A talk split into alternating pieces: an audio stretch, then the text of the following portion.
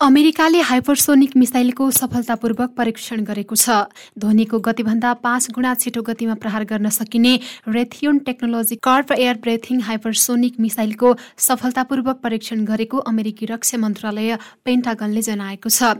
सन् दुई हजार तेह्रपछि उसको यो तेस्रो सफल परीक्षण हो। यसअघि जुन उनातिसमा पनि विभिन्न प्रकारका हाइपरसोनिक हतियारको परीक्षण असफल भएका थिए। श्रीलङ्काका प्रमुख विपक्षी नेता सजित प्रेमदास राष्ट्रपति निर्वाचनको दौडबाट पछि हटेका छन्। उम्मेद्वारीको औपचारिक मनोनयन हुन केही मिनट अघि प्रेमदास पछि हटेका हुन्। देशको भलाइका लागि आफू पछि हटेको उनले बताएका छन्।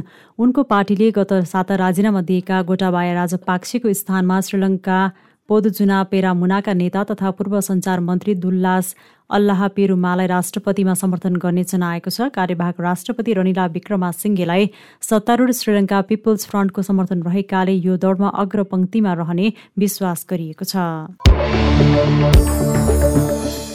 फ्रान्सको राजधानी पेरिसमा सोमबार राति गोली चल्दा एकजनाको मृत्यु भएको छ। एक बन्दुकधारीले अन्धाधुन्द गोली चलाउँदा एकजनाको मृत्यु हुनुका साथै अन्य चारजना घाइते भएको स्थानीय प्रहरीले जनाएको छ। संदिग्धलाई प्रहरी हिरासतमा राखिएको छ। दुईजना पुरुष कारबाट बाहिर निस्केर एउटा बारको बरन्डामा बसेका व्यक्तिहरूलाई गोली हानेका सुरक्षाकर्मीले जनाएका छन्। अर्का संदिग्ध फरार रहेको जनाइएको छ। उक्त गोलाबारी सिसा क्याफेमा भएको स्थानीय मेयर फ्रान्कोइस भोगलिनले जानकारी दिएका छन्। उनका अनुसार एकजना ग्राहकले एकजना संदिग्धलाई समात्न सफल भएका थिए। आक्रमणबारे प्रहरीले थप अनुसन्धान सुरु गरेको छ। बेलायती प्रधानमन्त्री बोरिस जोन्सोनको सरकारले विश्वासको मत लिन सफल भएको छ। चुनाव गराउनबाट बच्न सत्तारूढ कन्जर्भेटिभ पार्टीका सदस्यले मन्त्रीहरूको समर्थनमा मतदान गरे। विपक्षी लेबर पार्टीले जोन्सोनलाई राजीनामा दिन आह्वान गरेको छ। सेप्टेम्बरको सुरुमा कन्जर्भेटिभ पार्टीले आफ्नो उत्तराधिकारी चयन नगरेसम्म आफू प्रधानमन्त्री रहने जोन्सोनले बताउँदै आएका छन्। जोन्सोनले कन्जर्भेटिभको संसदीय दलको नेताबाट राजीनामा दिइसकेकाले अर्को नेता नचुनिजेल उनी पार्टीको काम चलाउ नेताको रूपमा रहेका छन्। कन्जर्भेटिभ नेता छान्ने प्रक्रिया सुरु भइसकेको छ। विपक्षीले जोन्सोनलाई अविश्वासको प्रस्ताव मार्फत हटाउनु पर्ने जनाएको थियो तर उनले राजीनामा दिने बताइसकेको र संसदीय दलको नेताबाट पनि हटिसकेकाले तत्काल पदमुक्त गर्नु नपर्ने कन्जर्भेटिभले बताउँदै आएको छ। थाइल्याण्डमा गम्भीर प्रकृतिका कोभिड नाइन्टिन संक्रमण यससँग सम्बन्धित मृत्युको संख्या पुनः बढेको जनाइएको छ। देशमा भएको लामो विदा र पछिल्लो समय कोभिडको अत्याधिक संक्रामक ओमिक्रोन उपप्रजाति फैलिएका कारण भेन्टिलेटरमा रहेका अधिकांश जटिल घटना र संक्रमित व्यक्ति राजधानी बैङ्कक र छिमेकी प्रान्तहरूमा भेटिएको सोमबार आयोजित पत्रकार सम्मेलनमा रोग नियन्त्रण विभागका महानिर्देशक ओपोस कर्णा विनपोङले बताएका हुन्। उनले भने गत हप्ता पत्ता लागेका अधिकांश नयाँ संक्रमितहरू वृद्ध तथा दीर्घकालीन रोग लागेका मानिस लगायत उच्च जोखिम भएका समूहमध्ये थिए जसमध्ये धेरैलाई खोप लगाइएको थिएन वा पूर्ण खोप लगाइएको थिएन। हालैका विदाको क्रममा अन्तर्प्रान्तीय यात्रामा आएको अत्याधिक वृद्धिले गर्दा कोभिड नाइन्टिन संक्रमणहरूको संख्यामा वृद्धि हुनु स्वाभाविक हो र यसलाई नियन्त्रणमा राख्न थप निगरानीको आवश्यकता पर्दछ ओपसले भने।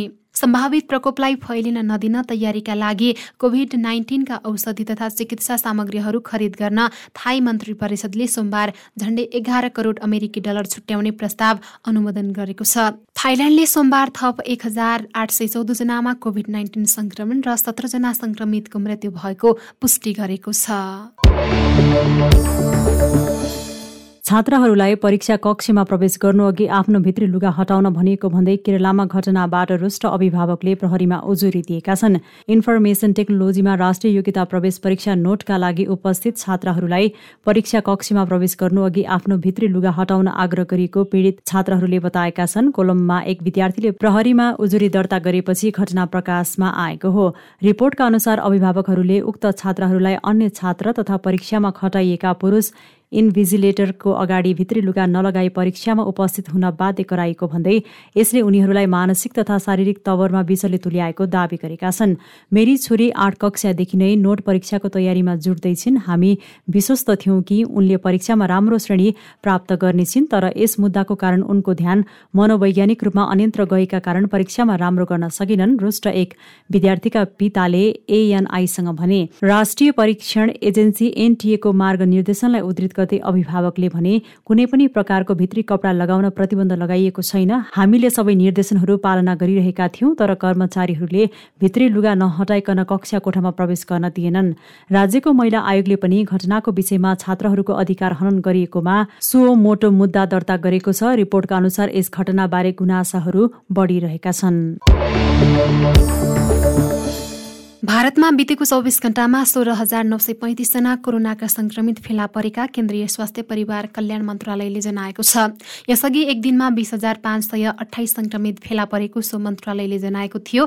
भारतमा हाल एक लाख चौवालिस हजार दुई सय चौपन्न जना सक्रिय संक्रमित छन्। यो कुल संक्रमितको शून्य दशमलव तीन तीन प्रतिशत भएको जनाइएको छ। हाल भारतमा कोरोना संक्रमितको कुल संख्या चार करोड सैतिस लाख सतसठी भन्दा बढी पुगेको छ। पछिल्लो एक दिनमा सोह्र हजार उनासत्तरी कोरोना संक्रमण मुक्त भएका छन्। यो सँगै भारतमा अहिलेसम्म संक्रमण मुक्त भएकाको संख्या चार करोड तीस लाख सन्तानब्बे हजार पाँच सय दस पुगेको छ। कोरोना भाइरस संक्रमण निको भएको यो दर अन्ठानब्बे दशमलव चार सात भएको जनाइएको छ। बितेको चौबिस घण्टामा कोरोना संक्रमणबाट एकाउन्न जनाको मृत्यु भएको छ। कोरोना महामारीबाट हालसम्म पाँच लाख पच्चिस हजार सात सय साठी जनाको मृत्यु भएको छ। महामारी सुरु भए यता हालसम्म छयासी करोड अठासी लाख भन्दा बढीको कोरोना परीक्षण भएको छ। भारतमा सन् दुई हजार एक्काइसको जनवरी सोह्रदेखि कोरोना भाइरस विरुद्ध खोप अभियान सुरु भएको हो। हालसम्म कोरोना विरुद्ध दुई अर्बभन्दा बढी मात्रा खोप लगाइएको छ। भारतको दक्षिणी राज्य केरलामा विदेशबाट आएका एक व्यक्तिमा सोमबार मङ्की पक्स संक्रमण पुष्टि भएको छ। केरला राज्यका स्वास्थ्य मन्त्री बिना जर्जका अनुसार पुणे सहरको नेसनल इन्स्टिच्युट अफ भिरोलोजी एनआइबीमा उनको नमुना परीक्षण गरिएपछि दोस्रो मङ्की पक्स संक्रमण पुष्टि गरेको हो। केरला सरकारले यो रोग विरुद्धको रोकथामका उपायलाई तीव्रता दिएको छ। कन्नुर जिल्लाका स्थानीय बासिन्दा एकतिस वर्षीय युवकको केरलाको एक सरकारी अस्पतालमा उपचार भइरहेको बताइएको छ। उनी जुलाई तेह्रमा दुबईबाट केरला आएका थिए। स्वास्थ्य अधिकारीका अनुसार मङ्की पक्सका संक्रमित बिरामीको स्वास्थ्य चिन्ताजनक अवस्थामा छैन।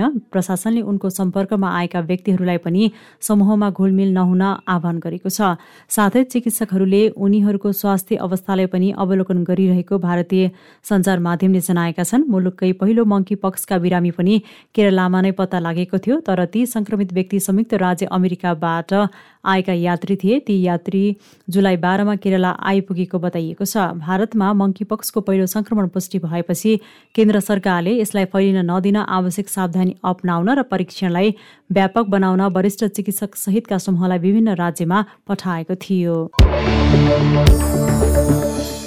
युरोपेली मुलुकहरूमा गर्मी बढ्दै जान थालेको पाइएको छ। युरोपमा बढेको गर्मीका कारण स्पेनमा मात्रै पाँच सय जनाभन्दा धेरैले ज्यान गुमाएका छन्। तातो हावाबाट स्पेनमा पाँच सय दसजनाले ज्यान गुमाएको त्यहाँको स्वास्थ्य मन्त्रालयले जानकारी दिएको छ।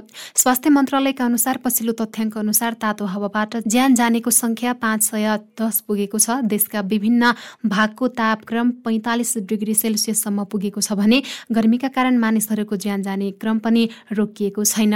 स्पेनसहित दक्षिणी युरोपमा यही जुलाई दस यता गर्मी सुरु भएको बताइएको छ। गर्मीका कारण सो क्षेत्रको क्षेत्रको जनजीवन निकै कष्टकर बनेको छ। स्वास्थ्य मन्त्रालयले तातो हावा सुरु भएको हप्ता जुलाई दसदेखि सोह्र तारिकसम्ममा एक सय पचासजनाको ज्यान गएको जनाएको छ।